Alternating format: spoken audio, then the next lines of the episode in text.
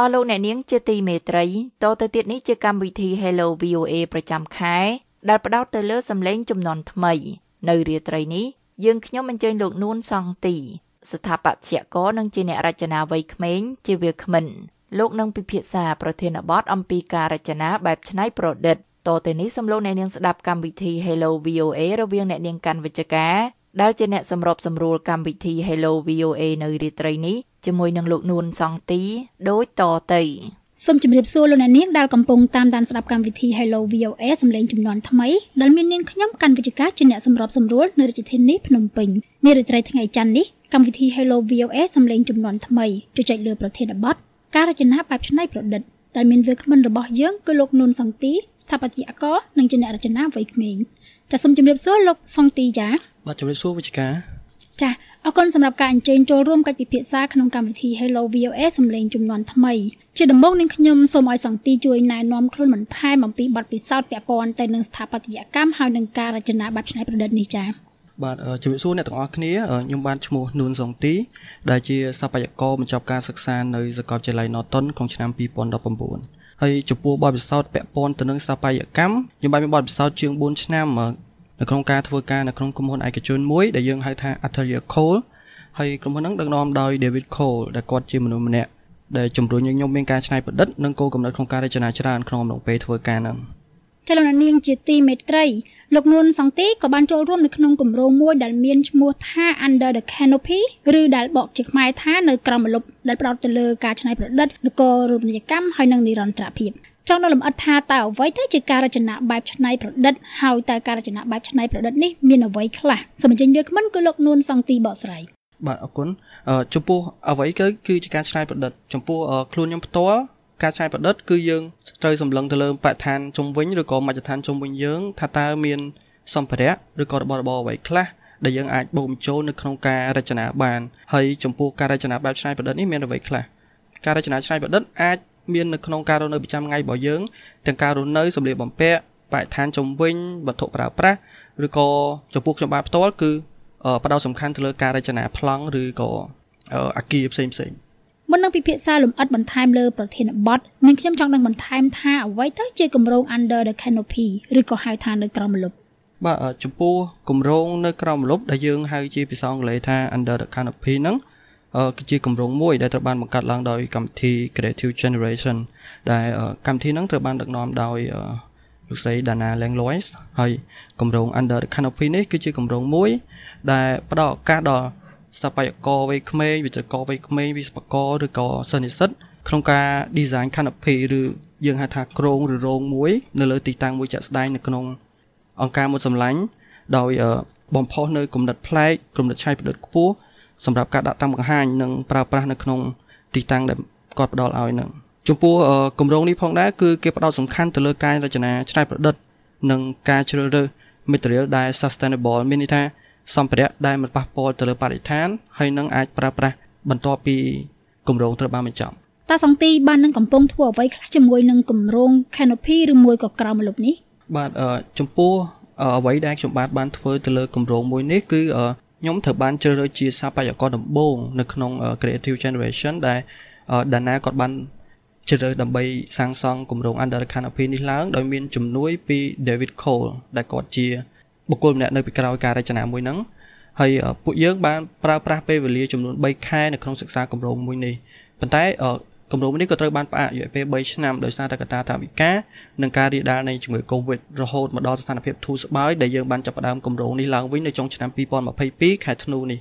ហើយយើងក៏បានទទួលជំនួយពីអ្នកគ្រូលោកគ្រូនិងសាស្ត្រាចារ្យមកពីសាកលវិទ្យាល័យ Norton និងសាលារចនាក្នុងការបញ្ជូនអ្នកស្ម័គ្រចិត្តចំនួន14នាក់ក្នុងការសាងសង់ហើយរយៈពេលដែលយើងប្រើប្រាស់ក្នុងការសាងសង់គម្រោងមួយនេះឡើងហ្នឹងគឺយើងប្រើប្រាស់រយៈពេល4ថ្ងៃ ចំពោះគម្រោងមួយនេះដែរអ្វីដែលសំខាន់ហ្នឹងគឺយើងបានប្រើប្រាស់ sustainable material ឬក៏សម្ភារៈដែលប៉ះពាល់បរិស្ថានណាដោយយើងកលេចទៅមើលទៅលើសម្ភារៈដែលប្រជាជនគាត់ប្រើប្រាស់ប្រចាំថ្ងៃដូចជា basket basket ដែលខ្មែរយើងយើងសំដៅទៅលើទ្រុងមាន់ខ្ញុំ focus ទៅលើការយកទ្រុងមាន់ហ្នឹងមកធ្វើជា canopy ឬធ្វើជារោងមួយដោយសារយើងគិតថាទ្រុងមាន់ហ្នឹងយើងប្រើប្រាស់ពីអស័យឬក៏ផ្ដៅហើយសម្ភារៈទាំងអស់ហ្នឹងគឺ អត់មានប៉ះពាល់បរិស្ថានទេវាអាចប៉ះពាល់តិចតួចប៉ុន្តែវានឹង reproduce ឬក៏កាត់ឡើងវិញខ្លួនឯងក្នុងរយៈពេលពី3ទៅ5ឆ្នាំហើយបន្ទាប់ពីគម្រោងនឹងត្រូវបានបញ្ចប់សម្ភារៈទាំងអស់ហ្នឹងយើងនឹងប្រគល់ជូនទៅប្រជាជនដែលនៅនៅក្នុងសហគមន៍យកប្រើប្រាស់បន្តទៀតចាអរគុណសង្ទីសង្ទីអាចបញ្ជាក់បន្ថែមបានទេពាក់ព័ន្ធជាមួយនឹងគម្រោងដែលសង្ទីបានលើកឡើងអំពីការរចនាដល់យកទ្រង់មន់អីជាដើមយកមករៀបចំហ្នឹងតើរៀបចំជាយ៉ាងម៉េចហើយដាក់តាំងបង្ហាញយ៉ាងម៉េចដែរបាទអរគុណចំពោះ ការរចនាហ្នឹងគឺយើងប្រើប្រាស់ទ្រង់មន់ចំនួន500ហើយនឹងបន្ទះអស័យបន្ទះនីប្រហែលជា10ទៅ20បាច់ខ្ញុំអត់ចាំច្បាស់ដែរព្រោះពេលហ្នឹងយើងខ្វះយើងកំងថែមទៀតយើងបានប្រើប្រាស់អាស័យសម្រាប់ធ្វើវាជាក្រងហើយយើងបំពាក់ទ្រុងមាន់នៅពីលើនៅនៅពីលើ canopy ឬក៏រោងមួយហ្នឹងបើកើតបានជារូបរាងមួយដែលយើង អង់គ្លេស it was like funky shape ឬក៏រាងបែប jellyfish ដូចជាចំហួយមួយអញ្ចឹងណាចុះពាក់ព័ន្ធជាមួយនឹងគម្រោងនឹងថាតើមូលហេតុអីបានជាយើងរៀបចំវាឲ្យទៅជារូបរាងបែបហ្នឹងហើយដាក់តាំងបង្ហាញអីជាដើមហ្នឹងថាតើមានមូលហេតុអីហើយយើងធ្វើការតាំងបង្ហាញហ្នឹងយ៉ាងម៉េចដែរអឺដោយសារថាគម្រោងមួយហ្នឹងគឺគាត់បានឲ្យឈ្មោះ under the canopy អញ្ចឹងមានថាគាត់ផ្ដល់កំណត់ឲ្យយើងក្នុងការ សាងសង់សាងសង់រោងមួយនៅលើទីកន្លែងដែលគាត់មានមានជាក់ស្ដែងនឹងហើយបន្តមកទៀតដំបូងហ្នឹងយើងបានទៅសិក្សានៅក្នុងទីតាំងរបស់គាត់ហ្នឹងថាទីតាំងរបស់គាត់ដែលយើងគាត់ផ្ដល់ឲ្យយើងហ្នឹងគឺមានទំហំប៉ុណ្ណាបន្តមកទៀតក៏យើងបានយកទីតាំងរបស់គាត់ដាក់ចូលទៅក្នុង program នៅក្នុង computer សម្រាប់ generate ឬក៏សម្រាប់សិក្សាទៅលើ shape ទៅលើ function នៅក្នុងហ្នឹងបន្តមកទៀតបានយើងចាប់ form ថាអូខេខ្ញុំហើយនឹង David ហ្នឹងក៏ចង់បានរៀងបែបកោងហើយយើងក៏គិតថាអឺ អ្វីដែលដែលយើងអាចរកបានក្នុងសហគមន៍ដែលវាកោងហ្នឹងយើងមើលឃើញមានទ្រុងមន់ឬក៏ basket ហើយបន្តមកទៀតយើងយើងគិតថាយើងនឹងប្រើប្រាស់អាស័យព្រោះអីអាស័យគឺជាសម្ភារៈមួយដែលវាអាចបត់បែនបានហើយវា flexible នៅក្នុងការបង្កើតជារូបរាងកោងហើយវាផ្ដល់ផ្ដល់សម្ព័ន្ធភាពដល់យើងអាចថាផ្ដោតសំខាន់ទៅលើភាពជាម្លប់ដែរត្រូវទេ បាទបាទចានាងខ្ញុំបានដឹងថាគម្រោងនៅក្រៅម្លប់នេះគឺមានវគ្គ2 ឬក៏ហៅថា under the canopy 2ហើយនាងខ្ញុំចង់ដឹងថាតើគម្រោងនេះកំពុងតែមានដំណើរការបែបណាដែរបាទចំពោះគម្រោង under the canopy នោះគឺទៅតែត្រូវបានដាក់ចេញដោយ creative generation ទេហើយចំពោះលើកនេះអ្នកទាំងអស់គ្នាអាចមានសិទ្ធិចូលរួមប្រកួតប្រជែងបានមិនថាអ្នកជាសប្បាយករវិស្វករវិចិត្រករឬក៏និស្សិតទូទៅក៏អាចចុះឈ្មោះប្រកួតបានដែរហើយបើសិនបើអ្នកទាំងអស់គ្នាបានចូលរួមប្រកួតអឺមួយនៅក្នុងចំណោមអ្នកទាំងអស់គ្នានឹងត្រូវបានជ្រើសរើស ជាចំណាត់ថ្នាក់លេខ1ហើយគម្រោងហ្នឹងគឺត្រូវបានសាងសង់ឡើងអឺតាមក្តីសម័យរបស់អ្នកបើសិនជាអ្នកទាំងអស់គ្នាចង់ចូលរួមឬក៏អឺចង់ប្រកួតប្រជែងអ្នកអាចចូលទៅក្នុង page Facebook របស់ Creative Generation នោះអ្នកនឹងអាចស្វែងរកព័ត៌មានទាក់ទងទៅនឹងការចូលឈ្មោះនិងដំណើរការផ្សេងៗរបស់គម្រោងសូមអរគុណលោកនួនសង្ទីនិងលោកអ្នកនាងកំពុងតាមដានស្ដាប់កម្មវិធី Hello VOA សំឡេងចំនួនថ្មី Direct from Washington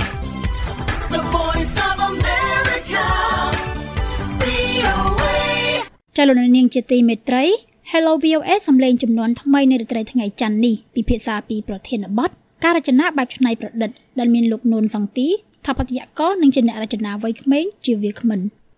ដោយសារតែមុននេះសង្ទីលើកឡើងថាគម្រោងនៅក្រៅម្លប់ហ្នឹងគឺជាការបង្កើតនៅអ្វីដែលថ្មីអាចថាប្លែកហើយវាមានការការពារបរិស្ថានអីជាដើមប៉ុន្តែផ្ដោតសំខាន់ទៅលើម្លប់អីអញ្ចឹងទៅអញ្ចឹងមានន័យថា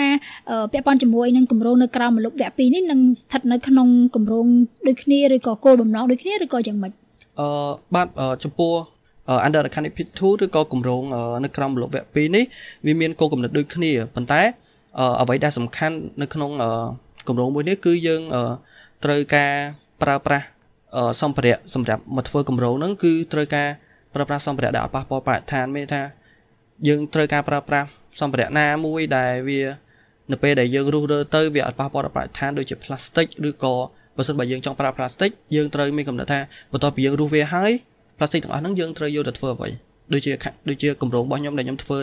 លើកទី1ហ្នឹងគឺខ្ញុំប្រើពីទ្រង់មន់បន្ទាប់ពីខ្ញុំរុះរើទ្រង់មន់ហ្នឹងចោល បន្ទាប់ពីរយៈពេល3ខែនៃការដាក់តាំងបង្ហាញយើងនឹងប្រកល់ទ្រង់មន់ហ្នឹងទៅឲ្យខាងសហគមន៍ដើម្បីគាត់ប្រើប្រាស់បន្តទៀតងាកមកជជែកលម្អិតអំពីការរចនាបែបច្នៃប្រឌិតវិញតើការរចនាបែបច្នៃប្រឌិតនៅកម្ពុជាកំពុងស្ថិតនៅក្នុងស្ថានភាពបែបណាដែរសង្ទីយើងឃើញមានថានៅក្នុងកម្ពុជាយើងគំនិតនៃការច្នៃប្រឌិតអឺគឺត្រូវបានយល់ឬក៏មិនត្រូវបានយល់ឲ្យបានទូលំទូលាយនៅឡើយទេអញ្ចឹងមានអ្នកខ្លះគាត់បានយល់ច្រើនអ្នកខ្លះគាត់អត់សូវបានយល់អ ប៉ុន្តែការច្នៃប្រឌិតហ្នឹងក៏យើងនៅមានឃើញមានសន្ទុះយ៉ាងខ្លាំងដែរដោយសារមានមនុស្សជាច្រើនគាត់បានដឹងដឹងឲ្យតម្លៃទៅលើការរចនាឬក៏ស្ថាបត្យកម្មអឺខ្ញុំឃើញថាមួយរយៈចុងក្រោយនេះយើងមានឃើញកម្មវិធីជាច្រើនដែល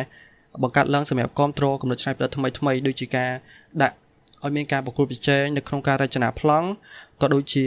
យើងឃើញមានការរចនាម៉ូដសម្លៀកបំពាក់ឆ្នៃពីសម្រាមឬក៏វត្ថុផ្សេងផ្សេងទៀតហើយក៏មានកម្មវិធីផ្សេងផ្សេងទៀតដែរដែលបានបានបង្កើតឡើង បើយើងមើលទៅលើការចាប់អារម្មណ៍ឬក៏ការគ្រប់គ្រងពីប្រជាពលរដ្ឋឬក៏អ្នកចូលរួមវិញសំទីមើលឃើញថាតើមានការចាប់អារម្មណ៍និងគ្រប់គ្រងបែបណាខ្លះចំពោះចំណាប់អារម្មណ៍ផ្ទាល់ខ្លួនរបស់ខ្ញុំចំពោះការច្នៃប្រឌិតនៅការគ្រប់គ្រងវិញខ្ញុំមើលឃើញថាមួយរយៈចុងក្រោយនេះមានប្រជាជនគាត់បានយល់ដឹងច្រើនពីការច្នៃប្រឌិតហ្នឹងហើយដូចជាគម្រោងនេះដែលយើងបានចាប់ផ្ដើមឡើងហ្នឹងយើងឃើញមានថាប្រជាជនជាច្រើនចាប់អារម្មណ៍ជាពិសេសសិស្សនិស្សិតស្ថាបត្យកម្មឬក៏ខាងរចនាប្រកួត ពិតជាចាប់អារម្មណ៍នៅក្នុងគម្រោងមួយនេះហើយគាត់មានអ្នកខ្លះគាត់គាត់រំពឹងថានឹងមានការប្រកួតប្រជែងសម្រាប់ event ក្រោយៗឬក៏គាត់ចង់ឲ្យឃើញមានការប្រកួតប្រជែងឬក៏មានស្នាដៃបែបរចនាច្នៃប្រឌិតថ្មីផ្សេងផ្សេងទៀតកាត់ឡើងដែរ បើមើលទៅលើអ្នករចនាហើយនឹងធនធានវិញតើនៅកម្ពុជាយើងសម្រាប់សង្ទីមើលឃើញថាទាំងអ្នករចនាហើយនឹងធនធានដែលយើងត្រូវយកមករៀបចំឬក៏រចនាជាដើមនឹងយើងមានច្រើនឬក៏គ្រប់គ្រាន់ទេបើយើងមើលទៅលើអ្នករចនានិងធនធាននៅកម្ពុជាខ្ញុំមើលឃើញថាមានច្រើនគូសំដែរដែលគាត់មានសមត្ថភាពពូកែនិងច្នៃប្រឌិតប៉ុន្តែមួយចំនួនអ្នកពួតគាត់ខ្លះអត់ទាន់មានឱកាសក្នុងការបញ្ចេញសមត្ថភាពអញ្ចឹងអឺពួកយើងគួរតែបង្កើតឱកាសឬក៏បង្កើតកម្មវិធីឬក៏គម្រោងជាច្រើនទៀតដើម្បីមានឱកាស ឬក៏អាចអនុញ្ញាតឲ្យពួកគាត់មានឱកាសនៅក្នុងការបញ្ចេញសមត្ថភាពតើជាទូទៅពាក់ព័ន្ធជាមួយនឹងការរចនាបែបច្នៃប្រឌិតអ្នករចនារបស់ពួកយើងនឹងតើគាត់ប្រើប្រាស់នៅសម្ភារៈដែលមានស្រាប់នៅក្នុងកម្ពុជាយើងឬមួយក៏នាំចូលភាគច្រើននៃការប្រើប្រាស់គឺយើងប្រើប្រាស់របស់ដែលនាំចូលហើយហើយដូច្នេះហើយបានជាគម្រោងយើងបង្កើតឡើងហ្នឹងគឺដើម្បី propose idea មានថាបង្កើតកំណត់ឲ្យពួកគាត់ចាស់ច្នៃប្រឌិតឬក៏បង្កើតអ្វីដែលថ្មីយើងអាចថាយើង បើកគំនិតឲ្យពួកគាត់មានសិទ្ធិភាពក្នុងការបង្កើតរបស់អ្វីដែលថ្មីប្លែកពាក់ព័ន្ធជាមួយនឹងការនាំចូលនៅធនធានអីផ្សេងផ្សេងឬក៏សម្ភារៈហ្នឹងថាតើវាពិបាកទេសម្រាប់អ្នករចនានៅពេលដែលដូចសង្ទីលើកឡើងអញ្ចឹងភាគច្រើនគឺយើងនាំចូលអញ្ចឹងថាតើវាពិបាកបែបណាខ្លះសម្រាប់អ្នករចនាយើងនៅពេលដែលយើងងាកនាំចូលងាកនាំចូលអញ្ចឹងអឺវាមានសម្ភារៈខ្លះដែលយើងអឺ យើងអាចថាមាននៅក្នុងស្រុកហើយប៉ុន្តែយើងពិបាកក្នុងការរកហើយចំពោះសម្ភារៈខ្លះទៀតយើងត្រូវការនាំចូលដោយខ្លួនឯងវាយើងមានថាយើងអាចត្រូវការចំណាយពេលវេលាសម្រាប់តាក់ទងទៅនឹងក្រុមហ៊ុនឬក៏ក្រុមហ៊ុនដៃគូដែលនៅក្រៅស្រុកដើម្បីនាំសម្ភារៈទាំងអស់នឹងចូលប៉ុន្តែយើងក៏មានក្រុមហ៊ុននៅខាងនៅក្នុងស្រុកដែរដែលមានច្រើនដែលគាត់ចាប់ផ្ដើមឬក៏ទៅតែបង្កបង្កើតក្នុងការផលិតសម្ភារៈថ្មីថ្មីអរគុណសង្ទី នេះខ្ញុំចង់ដឹងពីសង្ទីបន្ថែមថាតើមូលហេតុអីបានជាយើងចាំបាច់មានការរចនាបែបច្នៃប្រឌិតវាពិតជាចាំបាច់សម្រាប់យើងក្នុងការមានកំណត់ច្នៃប្រឌិតថ្មីហ្នឹងដោយសារតែយើងមើលយើងមើលឃើញហើយដោយសារតែនៅស្រុកក្រៅឬក៏នៅនៅខាងបរទេសពួកគាត់តែងតែព្យាយាមរិះរកកំណត់អ្វីដែលថ្មីឬក៏គេប្រជាជនពួកគាត់ឲ្យតម្លៃមែនទែនទៅលើការច្នៃប្រឌិតអ្វីដែលថ្មីដោយសារតែកំណត់ច្នៃប្រឌិតទាំងអស់ហ្នឹងហើយដែលនាំឲ្យពួកគាត់អភិវឌ្ឍប្រទេសជាតិមានថាគាត់ ព្យាយាមស្វែងរកផលិតផលថ្មីស្វែងរកបច្ចេកវិទ្យាថ្មីសម្រាប់អភិវឌ្ឍប្រទេសអញ្ចឹងអាហ្នឹងហើយវាវាជាវាជា key point មួយសម្រាប់ឲ្យប្រជាជនឬក៏យើងទាំងអស់គ្នាហ្នឹងក្នុងការស្វែងរកផលិតផលឬក៏បច្ចេកវិទ្យាឬក៏ទ្រឹស្ដីឬក៏គំនិតអីថ្មីថ្មីមកអភិវឌ្ឍប្រទេសជាតិរបស់យើងពាក់ព័ន្ធជាមួយនឹងការរចនាបែបច្នៃប្រឌិតវិញណាសង្ទីមើលឃើញថាតើការរចនាបែបច្នៃប្រឌិតនឹងជួយអ្វីខ្លះដែរដល់សង្គមកម្ពុជាយើងអឺ ចំពោះការរចនាបែបច្នៃប្រឌិតអឺពិតជាជួយដល់សង្គមយើងព្រោះយើងមើលឃើញថាការច្នៃប្រឌិតហ្នឹងគឺជាគំនិតដើម្បីអឺនាំពួកគាត់ក្នុងការបង្កើតអ្វីដែលថ្មីដោយអនុញ្ញាតឲ្យគាត់សិក្សាអំពីបទដ្ឋានជំវិញខ្លួនឬក៏បទដ្ឋានជំវិញខ្លួនហ្នឹងបើសិនបើយើងកលេចមើលទៅក្នុងជីវភាពប្រចាំថ្ងៃ យើងអាចមានកំណត់ក្នុងការបង្កើតអាជីវកម្មថ្មីថ្មីប្លែកដោយយើងអត់ copy ពីគេឬក៏យើងអាចនិយាយបានថា copy ពីគេប៉ុន្តែយើងសិក្សាពីគេដើម្បីយកមកអភិវឌ្ឍអាជីវកម្មខ្លួនឯងឬក៏យើងសិក្សាអំពីតម្រូវការនៅក្នុងទីផ្សារតម្រូវការនៅក្នុងអាជីវភាពប្រចាំថ្ងៃដើម្បីបង្កើតអ្វីដែលខ្វះចន្លោះរាល់ថ្ងៃហ្នឹងជួបពាក់ព័ន្ធជាមួយនឹងសង្គមកម្ពុជាយើងផ្ទាល់សម្រាប់សង្ទីគិតថាតើអាការរចនាបែបឆ្នៃប្រឌិតនឹងអាចជួយលើកមុខមាត់កម្ពុជានឹងយ៉ាងម៉េចខ្លះដែរទេ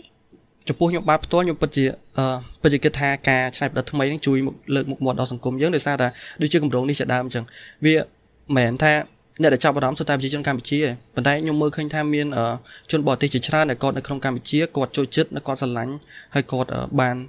ផ្ញើសារមកខ្ញុំថាគាត់ពិតជាចូលចិត្តគម្រោងមួយនឹងមែនទែនចាអរគុណសំទីតើអ្វីខ្លះទៅជាបញ្ហាប្រឈមពាក់ព័ន្ធទៅនឹងការច្នៃប្រឌិតនៅកម្ពុជា បញ្ហាប្រឈមដែលតាក់ទងទៅនឹង គំនិតច្នៃប្រឌិតនៅកម្ពុជាហ្នឹងដូចជាយើងបាននិយាយមកហើយគឺការច្នៃប្រឌិតហ្នឹងមានប្រជាជនខ្លះដែលគាត់បានយល់និងប្រជាជនខ្លះដែលគាត់អត់ទាន់បានយល់ទេអញ្ចឹងយើងអាចថាយើងចំណាយពេលយើងត្រូវការពេលវេលាសម្រាប់ពួកគាត់ក្នុងការយល់ដឹងអំពីការច្នៃប្រឌិតបែបថ្មីហើយយើងមានឃើញថាមានខ្លះដែរដែលមានការលួចចម្លងតិចតួចហើយពួកគាត់អត់ទាន់យល់ដឹងពីកម្មសិទ្ធិបញ្ញាហើយ អ្វីដែលសំខាន់នោះគឺប្រជាជនភាគច្រើនឬក៏អ្នករចនាមួយចំនួនហ្នឹងគឺខ្លាចមិនហ៊ានសាកល្បងអ្វីដែលថ្មីអញ្ចឹងវាជាគោលកំណត់មួយដែលថាអាចឲ្យពួកគាត់មានសិទ្ធិភាពក្នុងការគិតយើងហ៊ានធ្វើអ្វីដែលថ្មីចាអរគុណសង្ទីចលនានាងកំពុងតាមដានស្ដាប់កម្មវិធី Hello VOA សំឡេងចំនួនថ្មី Direct from Washington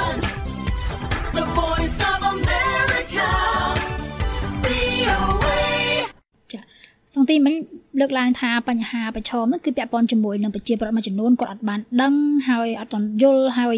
សម្រាប់អ្នករចនាខ្លួនឯងអីជាដើមហ្នឹងគាត់ហាក់បីដូចជាអត់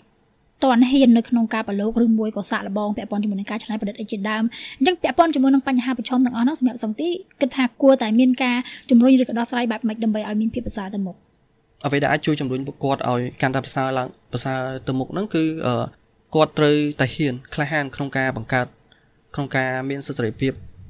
ក្នុងការគិតអ្វីដែលថ្មីហ៊ានសាកល្បងហ៊ានធ្វើបើសិនបើយើងអត់ធ្វើទេយើងក៏អត់ដឹងថាអ្វីដែលខុសអ្វីដែលត្រូវអញ្ចឹងអឺតោះតែយើងធ្វើទៅនៅពេលដែលយើងទូបរាជ័យយើងបានបទពិសោធន៍មកវិញហើយយើងព្យាយាមម្ដងទៀតដើម្បីធ្វើវាបានកាន់តែល្អជាងមុនកន្លងមកពាក់ព័ន្ធជាមួយនឹងការច្នៃប្រឌិតឬក៏ការរចនាអីផ្សេងផ្សេងបែបប្លែកប្លែកចឹងណានាងខ្ញុំ ឃើញថាមានការទទួលស្គាល់ឬក៏មានការគ្រប់គ្រងឬក៏សរសើរអីជាដើមប៉ុន្តែទន្ទឹមនឹងហ្នឹងយើងមើលឃើញថាក៏មានការរិះគន់មានការវាយប្រហារទៅលើអ្នកដែលគាត់រចនានឹងជាដើមទៀតសម្រាប់សង្ទីតើយល់ឃើញយ៉ាងម៉េចទៅលើការគ្រប់គ្រងហើយនឹងការវាយប្រហារទៅលើការរចនាបែបច្នៃប្រឌិតថ្មីថ្មីអញ្ចឹងដោយសារអឺដោយសារតែខ្ញុំបានបាននិយាយហើយថា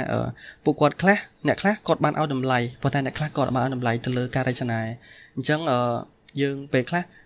យើងត្រូវតែប្រឈមមុខទៅនឹងផលវិជ្ជមាននិងអវិជ្ជមាន pros and cons ណាទៅលើកំណត់កំណត់របស់អ្នកតៃមានថាយើង